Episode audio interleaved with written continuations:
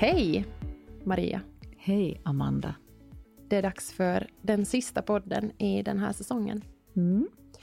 Och vi avslutar med en ganska oambitiös rubrik. Absolut. Vi ska på 40 minuter prata om jämställdhet. Vad behöver göras för ett jämställt samhälle, arbetsliv, familjeliv? Ja, hur ska vi hinna prata om den nödvändiga jämställdhetsrevolutionen på 30 minuter? Vi måste prata sjukt fort för att få med alla hundra nivåer av förändring i samhället, på jobbet, hemma och i oss själva. Vilka gropar vi har fallit i och vilka berg som har flyttats och bör flyttas. Det här är en poddserie som vi har gjort tillsammans med Svenska kvinnoförbundet, Svenska kvinnoförbundet Sörnäs och Svenska bildningsförbundet. Och det har varit en otroligt fin resa att få göra och vi tackar er för att ni har lyft de här ämnena i den här podden. Så tack för det här samarbetet. Mm. Och inte bara podden, utan också haft webbinarier den här våren för kvinnor och om familjefrågor och så här. Så det är ju helt supercoolt. Det är supercoolt. Mm. Men vi har då tagit oss lite vatten över huvudet kan man ju säga Maria, för att mm. vi vet ju att vi behöver, ja det är ganska mycket som behöver göras för ett jämställt samhälle ännu och det är en enorm fråga. Men då tänker jag så här i sann feministisk anda, att vi får börja med att ändra förutsättningarna, ändra reglerna. Mm. För det är väl ändå det vi försöker göra, vi försöker ändra på de rådande ramarna för att skapa ett samhälle som är jämställt och rättvist för alla, oberoende av kön eller hudfärg eller ålder. Um, så vad vi har gjort för indelning är att du kommer att fokusera på familjelivet och jag kommer att prata om arbetslivet för att lite förenkla det här för oss. Och så får vi bara inse och acceptera att vi kommer inte att hinna med allt. Men för att köra igång så skulle jag vilja dela ett citat av en otroligt klok vän till mig som heter Paulina Modlitpa. Som hon delade på Facebook på Sveriges mors dag för en vecka sedan. Och då skrev hon så här. All the women in me are tired now. Mors dag. Idag önskar jag att fler kvinnor, fler mammor, fick leva liv som inte gör dem så förbannat trötta hela tiden. Liv där de får vila från ansvar oftare, vara lustfyllda oftare, slå klackarna i taket oftare, släppa rodret oftare, bara vara oftare. Jag önskar mig färre kvinnor som liksom jag tillbringat månader, år, otaliga timmar i sängen, utmattade av ansvar. Av att göra så mycket hela tiden, mer än de flesta. Och ändå aldrig riktigt få cred för det. Samtidigt som vi måste vara perfekta för att duga, kämpa för att ta plats, och för att få vara med och bestämma över ett samhälle som är lika mycket vårt. Pappor, lyssna mer. Gå ner i arbetstid för att få ihop livspusslet. Ta ut mer föräldraledighet. Vabba mer. Tagga ner lite med triathlonträningen. Tvinga ut din sambo fru på galej minst en gång i månaden. Och ring för guds skull inte hem henne senare på kvällen för att barnen är jobbiga. Unna henne långa sovmorgnar och barnfria helger utan att hon behöver be om det. Och ligger din fru sambo i sängen ofta? Jag skriver det här för att jag har sett så många skilsmässor i min omgivning föregås av en utmattad och deprimerad mamma, inklusive min egen skilsmässa. Det är inte hon som är svag och sjuk. Det är kvinno och mammarollen som är orimligt tung att bära. Ja, det, det är briljant. Får jag ändra lite på vårt upplägg? Kör, så det ryker.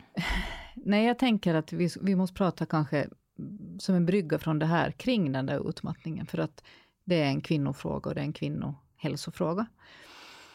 Eh, över 50 procent av de långtidssjukskrivna kvinnorna är det på grund av utmattningsproblematik. Men det är ett stort mörkertal för att man kan inte få sjukskrivning för det i Finland, utan det står depression eller ångest eller något annat på på den här koden som man får då när man blir sjukskriven. Så vi vet riktigt inte liksom hur många som är det. Men, du vet inte hur gammal Paulina är. Hur gammal är hon?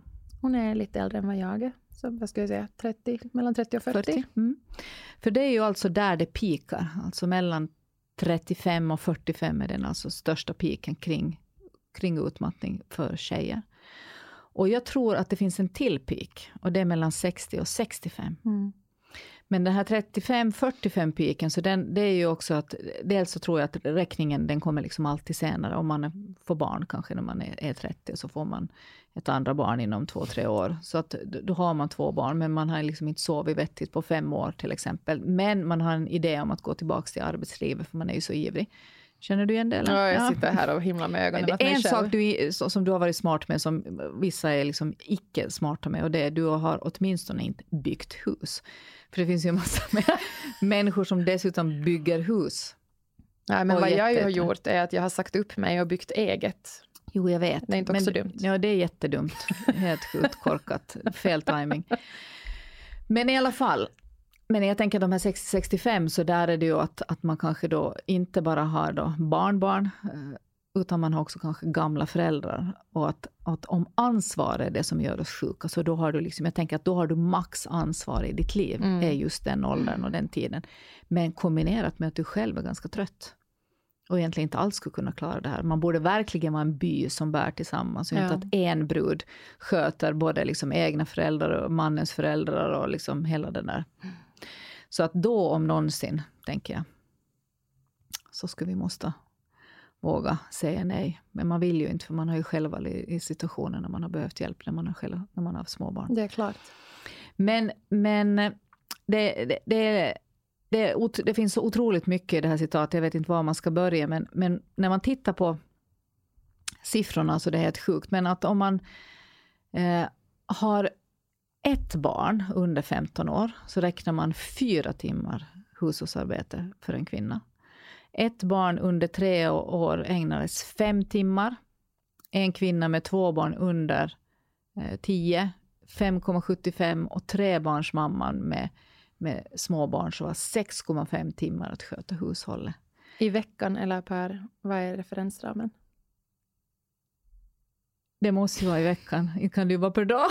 Jag tänker det, för att man ska ju jobba och sova och leva mm. där runt också. Men, men det här är liksom obetalt arbete som vi, som vi ofta löser på det sättet att vi jobbar själv deltid.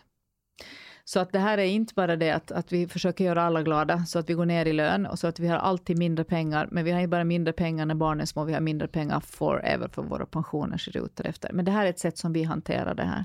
Sen kan man också se att vissa yrkesgrupper är liksom överrepresenterade.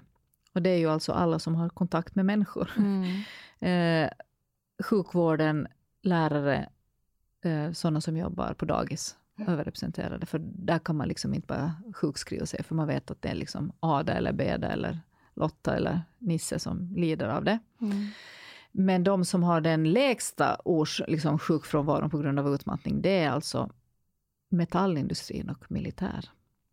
Killjobb med tydliga strukturer och tydliga hierarkier. Men man kan också kanske trycka på en knapp och bara gå hem. Och för tillfället har vi ju inget krig i Finland, så man kanske på riktigt kan vila på veckoslutet, mm. tänker jag.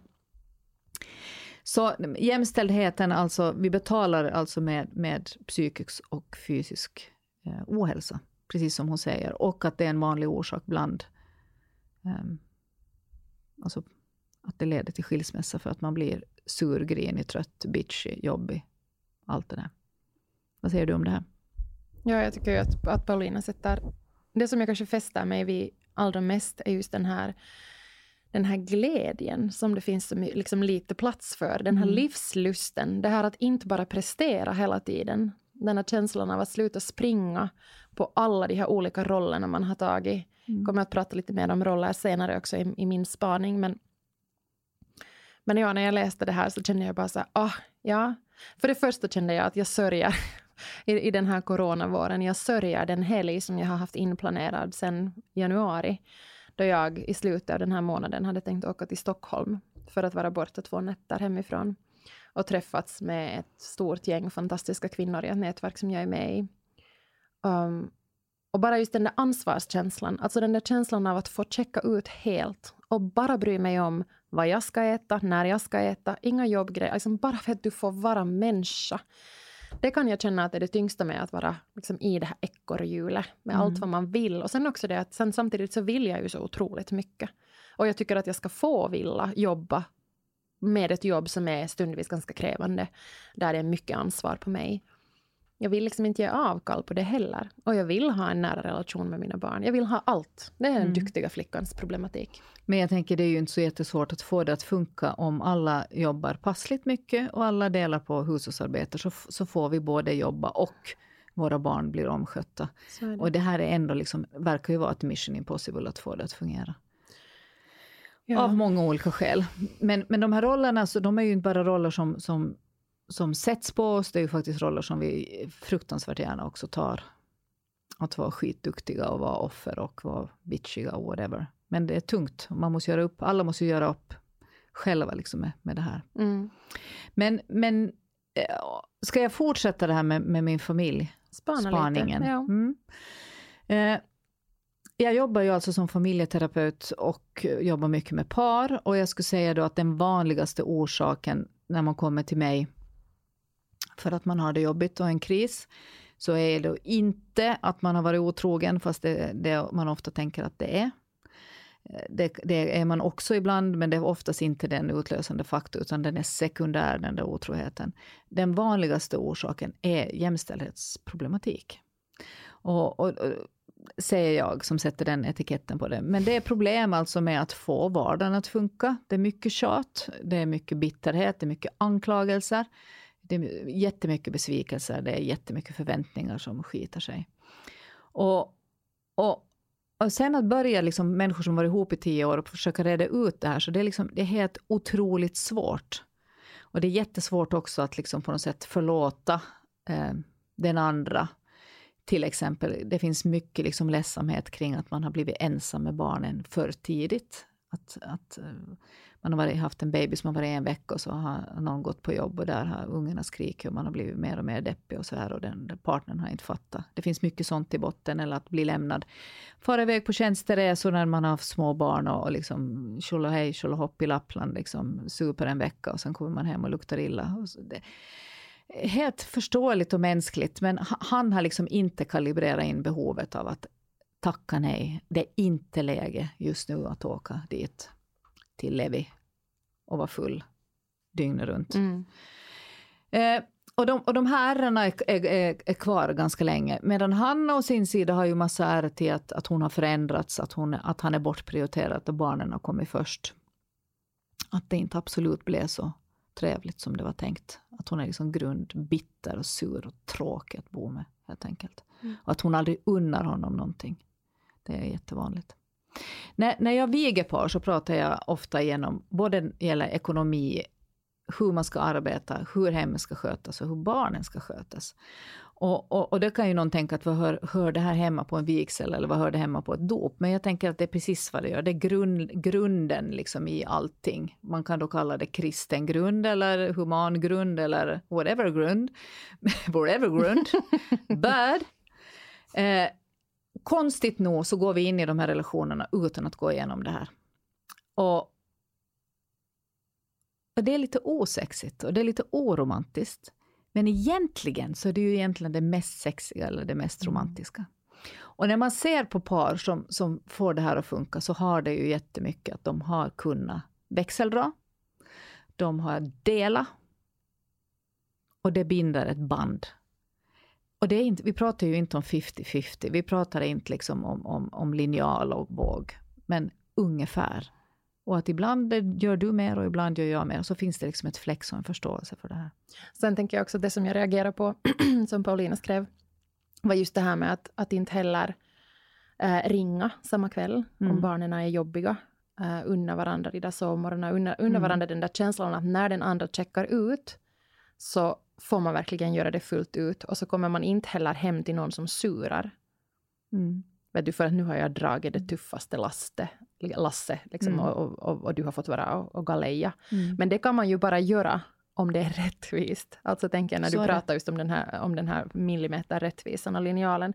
Så någonstans så tänker jag ju ändå att det måste man ju liksom ha med också, speciellt när det är, om man har fått syn på det, att det är inte ens nära på Liksom, då behövs ju den där linjalen för att dra den där Så är det. Och, sträcka i sanden. Liksom. Exakt. Och jag, jag, jag googlade när vi, inför den här podden kring, det finns ju alltså massor på nätet, alltså, så du kan printa ut. Mm. Och så gör du en beräkning, liksom, hur mycket tid sätter du på det här och hur mycket tid. Och så, så räknar den ut helt enkelt vad det är. Och ett annat sätt att, att mäta jämställdhet, det är ju att båda ska få vila lika mycket, Mm. eller göra roliga saker lika mycket.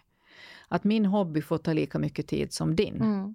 Att jag får ligga i sängen lika ofta som du. Att jag får lika mycket sovmorgnar som du. Det är alltså sjukt enkelt. Och för mig är det så här att hur täcks man inte ge tillbaks? För jag tycker ju att så fort jag får liksom något så känner jag att jag vill ju ge dubbelt tillbaks. Mm. Alltså fick jag vara borta en kväll så du får fast vara två för det var så sjukt kul. Ja. Och, och när det kommer in det här snålande, Mm. när, och, det, och det gör det ju inte för att man är en skitstövel utan det är ju när man känner sig utnyttjad så börjar man ju liksom snåla tillbaks. Men det här spelet är ju, det, det är ju ett ojämställt eller så kan det vara bara att det är ett odiskuterat samspel hemma. Men det är det jag tänker också, att jättemycket om det här handlar ju om osynlighet. mm. Jag tänker ju det liksom att när man älskar varandra och delar livet med varandra så vill man ju varandra väl i grunden. Sen är det klart att det händer en massa saker som gör att man blir trött. Uh, och jag tänker att det är väl det farligaste är ju just det där när man vänjer sig vid att saker och ting ska vara på ett visst sätt och slutar att ens märka att man... Så är det ju när man är privilegierad. Mm. Att man sitter ju i en sits där det Ja, där det, där det liksom på riktigt blir osynligt på ett sätt som sen kan vara ganska svårt att synliggöra. Mm. Och jag tror också att det är jättesvårt att synliggöra till exempel den där ansvar. Man brukar ju tala om att kvinnor är projektledare. Alltså det är inte bara att vi liksom dammsuger mer eller diskar mer eller eh, steker mer makaronilådor, utan det handlar om hela det där ansvarsperspektivet, att anmäla till hobbyn, att anmäla av, att komma ihåg presenter, att köpa nya strumpbyxor, att, att korrabyxorna ska hänga på kroken på dagis. Liksom, det, det är liksom på den här listan vad jag ska tänka på varje dag, det är helt sjukt massor. Mm. Och det går ständiga, jag har ju fem barn så jag har ständiga parallellspår i huvudet kring allt. Och det gör, hjälper ju inte jättemycket att de blir äldre, för det kommer liksom annat på de här listorna. Ja. Sen lever jag ju med en som också har jättemycket listor i huvudet och det är ju otroligt skönt. Men jag har ändå jättelänge haft den där huvud, huvudansvariga för den där listan. Men jag tycker med åren så har han liksom tagit över på ett, på ett fantastiskt sätt och jag har blivit friare. Mm. Ja, den där friheten tror Mm. jag att det också på riktigt är grunden Men för också för att jag har släppt. äktenskap. Ja. Jag har ju varit en kontrollfreak och varit sjukt Mm. noga med vissa standarder som han absolut inte har. Så jag har ju varit där och såttat ändå. Men det där pratade vi om, jag tror att det var i Vasa när vi gjorde Diagnos Duktig Mm. i vintras. Så var det någon i publiken som frågade, men att, ska, att behöver inte vi kvinnor också lite släppa på, Mm. på liksom prestigen och på, på hur vi tänker vad vi föreställer oss att vi ska klara av och hur det ska Mm. se ut och hembakade eh, smörgåsar och semlor och, och liksom allt. och, och det tror jag ju att det handlar jättemycket om att när det speciellt också kommer till att dela föräldraledighet. Och det här är också något som vi pratar rätt lite om. Att det de facto inte ju bara är det att papporna inte vill, det. utan det är det att mammorna inte vill. Mm. Att det är svårt att släppa utrymme. Och det är också jättesvårt, för man kan ha föreställt sig att det ska vara på ett visst sätt före bebisen Mm. har kommit, för att man har svårt att fatta hur man kommer att känna för det där lilla knyttet sen. Mm. Men därför tänker jag att det är så viktigt att man har fört den diskussionen också först. Och att man står ut med att se det i sig själv. Nu skulle jag egentligen inte vilja. Mm. Jag skulle inte egentligen vilja gå tillbaka på jobb. Tanken att jag inte ska få vara hemma med det här Mm. lilla barnet är fysiskt så äcklig att jag känner att jag vill spy. Mm. Uh, men om vi inte släpper in så då kommer inte de heller Nej. att stiga in. Så är det. Och då kommer aldrig att den här grundläggande anknytningen heller att komma. Ma- Man kan titta på undersökningen, jag kommer inte ihåg var jag läste det, men att, att män som har varit föräldralediga med sina barn före de är två år och alltså skött dem med de här grundläggande behoven, det är otroligt mycket mindre sannolikhet att de vill separera. Mm.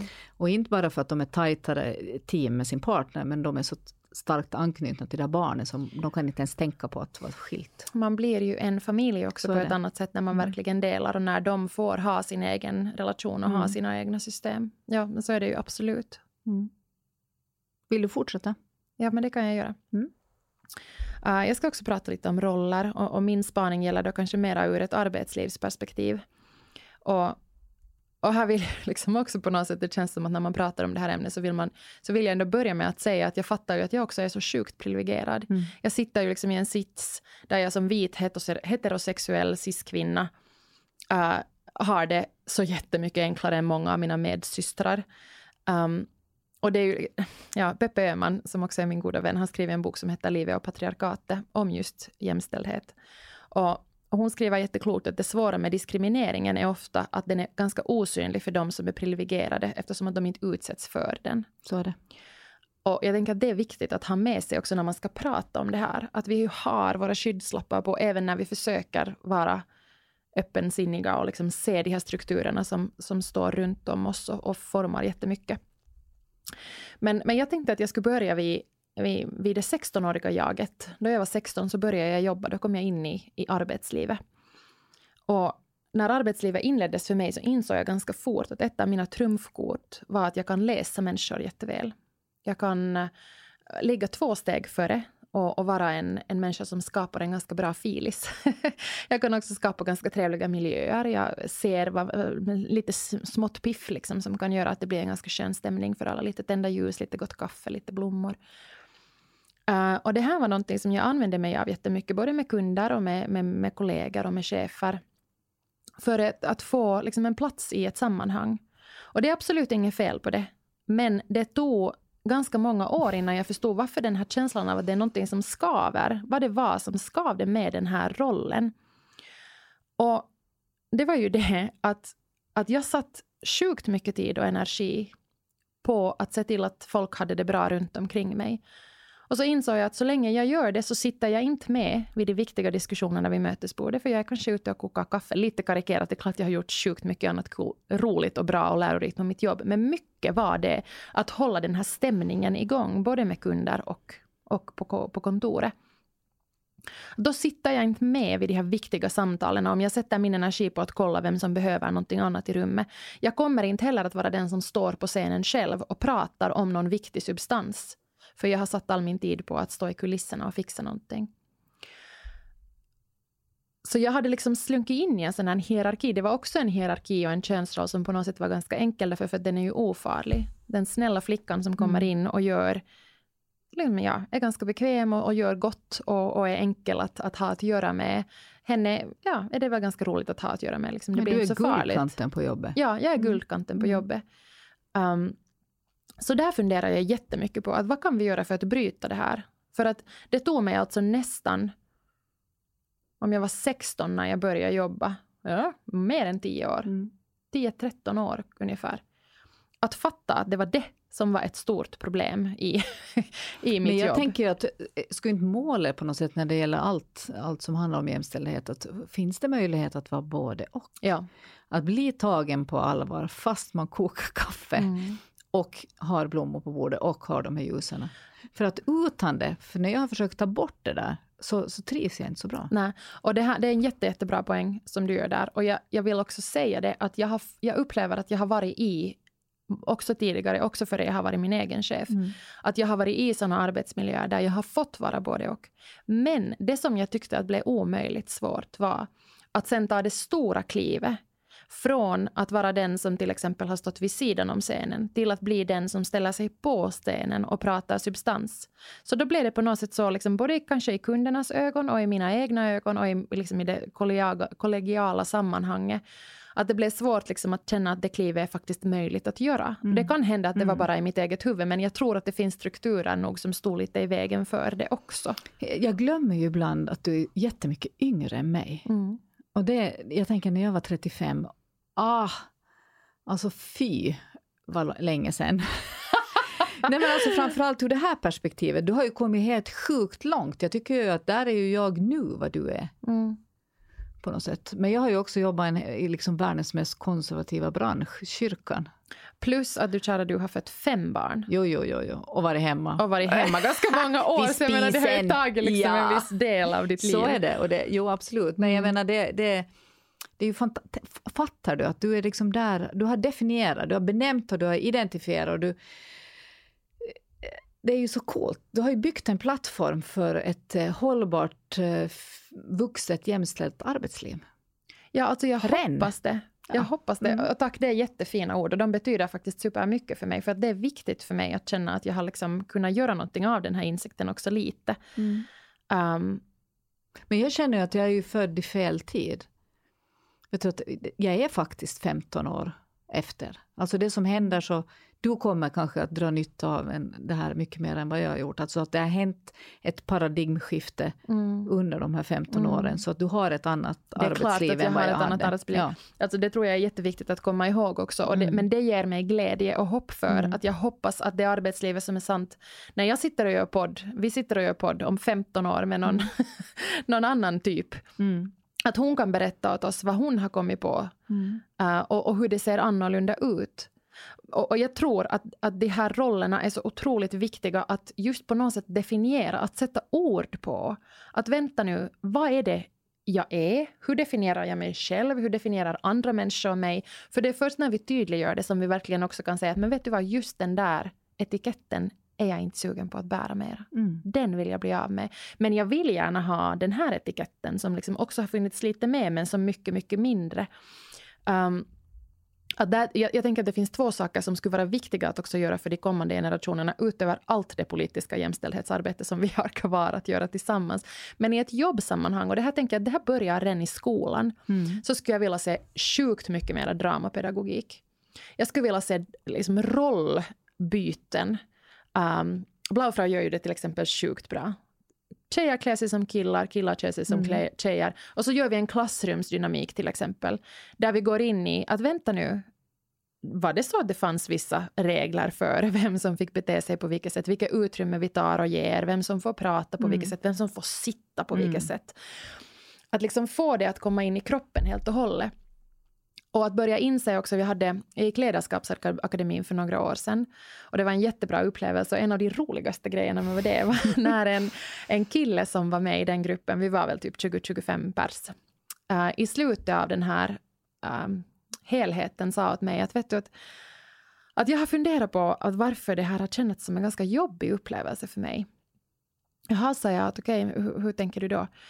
Ja, jag är alltså inte van vid att vara i minoritet. Jag inser att det är det det handlar om. Att vi är tre killar och resten är tjejer. Och det är era åsikter, det är era analyser, det är ert sätt att se på världen som är majoritet här. Och jag är inte van vid att ha det så.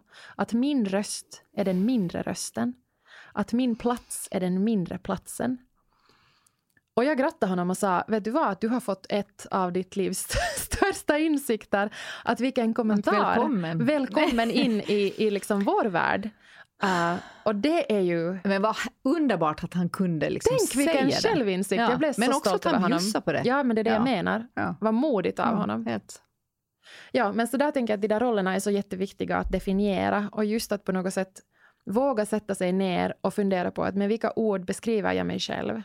Våga fråga andra, hur ser jag ut i dina ögon? Vilka ord beskriver du mig med? Mm. Och det här gäller väl både i arbetslivet och hemma, tänker mm. jag. För att vi blir också lite blinda för hur andra ser oss och vad vi mm. liksom släpar på för, för, för titlar. Uh, och sen att fundera, okay, men vilka ord är inte relevanta för mig mera? Vilka är inte sanna? Vilka vill jag inte att ska vara sanna mera? Um, och vilka ord vill man kanske lägga till? Och för mig så var det liksom när jag gjorde den här övningen um, kanske mest i ett tankearbete då för fyra år sedan när jag under mammaledigheten sa upp mig, var det det att jag vill vara den som definierar ramarna. Jag vill vara den som bestämmer var mm. scenen står, hur mm. den ser ut och vad som händer på den och jag vill stå där själv. Mm. Det var min spaning. Uh, uh, no comments. Nej, men ska vi... Ska vi ta in ja, vi Anna ta, nu? Ja, vi kan ta in, men jag tänkte liksom... Jag tänker på något sätt att hela vårt avslutande, liksom, vår avslutande podd nu här i vår poddserie, mm. um, att det är det här ämnet. Det, det, nu måste man verkligen uh, avstå från att hinna med allt. Jo, men det måste du bara stå ut liksom, med nu, Maria. Jag, jag känner liksom ångesten... det trycker, trycker på här och man känner att man bara skrapar lite, pytte, pytte lite på allting. Men, men jag tycker också att vi tar en, en politisk kommentar från någon som är med i Svenska kvinnoförbundet, för det är det som är grejen. Och till varje podd så är det en, en någon som gör en egen, eh, ett, en, en egen reflektion kring vårt tema. Och idag så var det Anna. Anna Ljungner. Ja. Lindberg. Nej. Nordgren. Förlåt, idag var det Anna Ljungner Nordgren. Jag är en mycket privilegierad person. Jag lever i ett tryggt demokratiskt land, jag kommer från en akademisk familj, jag har kunnat utbilda mig, jag talar landets språk och jag är vit, gift och heterosexuell. I princip så tickar jag alla rutor för att vara en privilegierad person. Det är bara då det kommer till arbetslivet som jag inte uppfyller alla attribut. Att jag är kvinna gör att jag inte är den mest attraktiva arbetstagaren. Det är mycket troligt att jag bestämmer mig för att bilda familj och skaffa barn. I flera decennier har Norden fungerat som inspirerande jämställdhetsexempel för andra länder, stadigt i toppen på globala rankningar. Samtidigt har vi själva en förbättringspotential, bland annat när det gäller löneskillnader, kvinnor i ledande positioner och mäns ansvar för hem och barn.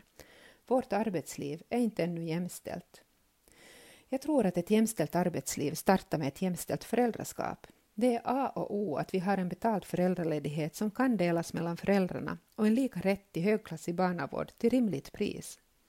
Familjeledighetssystemet måste uppmuntra föräldrarna att ta lika stort ansvar för barnen när det blir en självklarhet för arbetsgivarna att föräldraskap medför föräldraledighet, vabbdagar och skjutsande till barns hobbyer för både pappan och mamman. Då förlorar könet sin betydelse vid rekrytering och karriärutveckling. Problemet idag är att föräldraledigheten inte alls delas lika mellan föräldrarna, utan i de allra flesta fall är det mamman som stannar hemma och sköter barnen, mamman som gör ett avbrott i sin karriär och kanske går ner i deltid för att få ihop vardagspusslet. Finländska pappor tar ut bara en dryg tiondel av föräldraledigheten och de facto är finländska män sämst i Norden på att ta ut föräldraledighet. För att förändra normen behövs öronmärkta dagar, Därför har vi i Svenska kvinnoförbundet jobbat i över ett decennium tillsammans med många andra aktörer för att en familjeledighetsreform ska se dagens ljus. Och nu äntligen så nådde vi i land tack vare den nuvarande regeringen. En annan aspekt som påverkar negativt jämställdheten i arbetslivet är att arbetsmarknaden är i stor grad uppdelad, det vill säga segregerad enligt kön. Kvinnor och män arbetar i huvudsak inom olika branscher, yrken och uppgifter. En segregation enligt kön i arbetslivet är enligt en internationell jämförelse exceptionellt kraftig i Finland. Segregationen påverkar det finländska samhället på många sätt. Den begränsar individernas val, gör arbetsmarknaden stelare och kan hindra ett effektivt utnyttjande och en effektiv rekrytering av förmågor. Under de senaste decennierna har små ändringar skett i segregationen, främst när kvinnor utbildar sig för, till traditionella mansyrken, till exempel läkare och jurister men andra vägen. Män som har sökt sig till kvinnobranscher, det har varit obetydligt. I Finland har man nu under 30 år utan större framgång försökt bryta könssegregationen inom utbildning och arbetsliv. Hur ungdomar väljer yrke har att göra med vilken information de fått och vilka förhandsföreställningar de har om olika branscher. För ungdomar är det lättare att göra ett säkert val. Det kräver mod att söka sig till ett jobb som alltid har ansetts vara mans eller kvinnodominerat och på så sätt bli en minoritetsrepresentant. Situationen försämras också av strukturell segregering och brist på rollmodeller. Att arbetsmarknaden är könsuppdelad inverkar på skillnaden i lönenivå mellan kvinnor och män. I kvinnodominerade branscher är lönen ofta lägre och, kvinnor avancerar mer sällan än män till ledande positioner. Skillnaden i lönenivå mellan kvinnor och män är fortfarande betydande på arbetsmarknaden och kvinnliga löntagare tjänar fortfarande mycket mindre än sina manliga kollegor. Enligt en undersökning som Yle har gjort så förtjänar män i medeltal 600 euro mer per månad än kvinnor.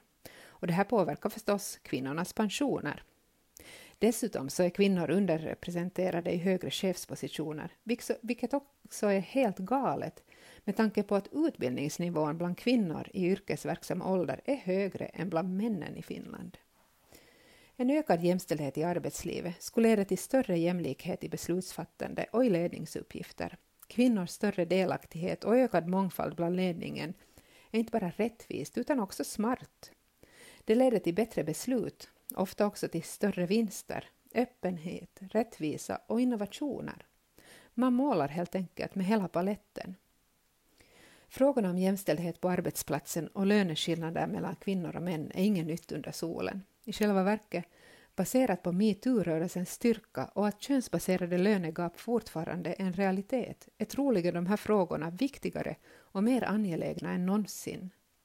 Många landvinningar har visserligen gjorts, men ändå är glastak en realitet som håller tillbaka kvinnor och minoriteter från att tjäna rättvis lika lön och nå högre befattningar och lönenivåer.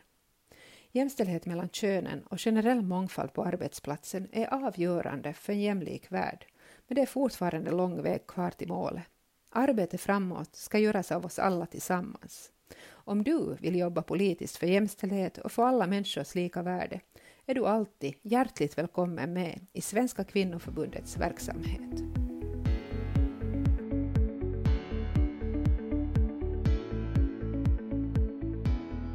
Och det var Anna Ljungner Nordgren och hon är ordförande för Svenska kvinnoförbundet och kommunikationsrådgivare. Tack Anna. Alltså jag måste säga att eh, vilken, vilken analys, vilken skärpa och där fick vi all fakta som den här podden kanske inte... På fem stod, minuter? På fem minuter. Vi har babblat på här snart en halvtimme och kom inte ens med hälften, men vi har ju då stått för det här emotionella. Vi har stått för casen med vårt eget liv. Men Anna, tusen tack. Så bra. Eh, jag måste också säga att den där siffran som jag sa då tidigare om den där per dygn. Hushållsarbete, Hushållsarbete ja. så var jag alltså per dygn och inte, inte per vecka. vecka vilket är galet. Alltså vad sa ja. du, fyra till sex timmar per dygn? Ja. Ja. ja. Mm. Och så, så såg jag här också att det var mm, eh, 35 procent alltså mera hushållsarbete på kvinnor än, än för män. Men att de också liksom då jobbar 35 procent mera mm, betalt arbete helt enkelt. Mm. Jaha, blev du lite låg nu av det här eh, Annas analys? Jag tycker du ser lite sådär blek ut. Alltså jag tycker att det var en otroligt skarp analys, precis som du sa. Mm. Men jag känner liksom att vi hamnar tillbaka lite i den här känslan av att jaha, okej. Okay. Alltså jag, jag, står inte ut med den här orättvisan. Och jag kan inte liksom, det här låter ju nu barnsligt, men jag kan verkligen genuint inte förstå var är alla män? Förlåt, men var är ni alla? Alla ni som är gifta med, med oss kvinnor, som är pappor till pojkar och flickor. Morföräldrar, farföräldrar, chefer. Alltså var är er röst i allt det här? Hur kan ni gå med på att kvinnor sätter fyra till sex timmar av vardag utöver jobb, utöver karriär, på att bara jobba obetalt hemma? Att vi får mindre betalt, mindre pension, Alltså varför är ni inte arga? Jag fattar inte. Nej, och jag tänker också när jag ser liksom i mitt flöde, så fast jag eh, stora delar av min manliga vänkrets ser sig säkert som jämställda och som feminister, men de delar ju aldrig frågor som gör det här. De skriver aldrig inlägg, alltså det engagerar dem inte. De är inte mot, men de är absolut inte för. Och det här har också jag funderat jättemycket på samma sak. Att, och, och, det sorgliga är ju att innan, innan männen är med och tycker att det här är en viktig fråga kommer det inte att ske en förändring. För det är fortfarande så att vi måste ha någon slags förmyndare för att tala för oss. Att jag har liksom ingen cred som kvinna att tala feminism, utan det måste vara en man som talar feminism för att det ska bli en förändring.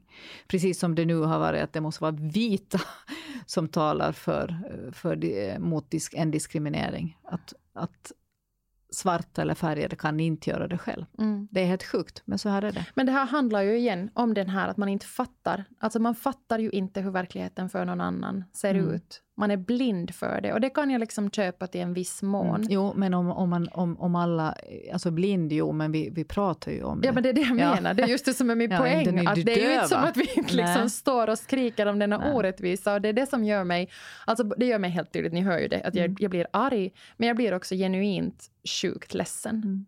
Asbesviken. Ja, mm. det blir jag verkligen. Och det är ju ett, ett sätt faktiskt att säga att det här inte är viktigt och att vi inte är viktiga och att det, det här är inte viktigt för, för barnen. Eller va? Men det är ju att säga att, att ni är mindre värda. Ja. Vi är mindre värda. Mm. Ja, det var ju liksom inte att sluta på topp, eller? Nej, va? det var ju faktiskt inte så peppigt. Nej. Men å andra sidan så är det ju därför vi har den här podden, för att vi ska liksom möta realiteterna men också komma med några, vad ska jag säga, vägar ut.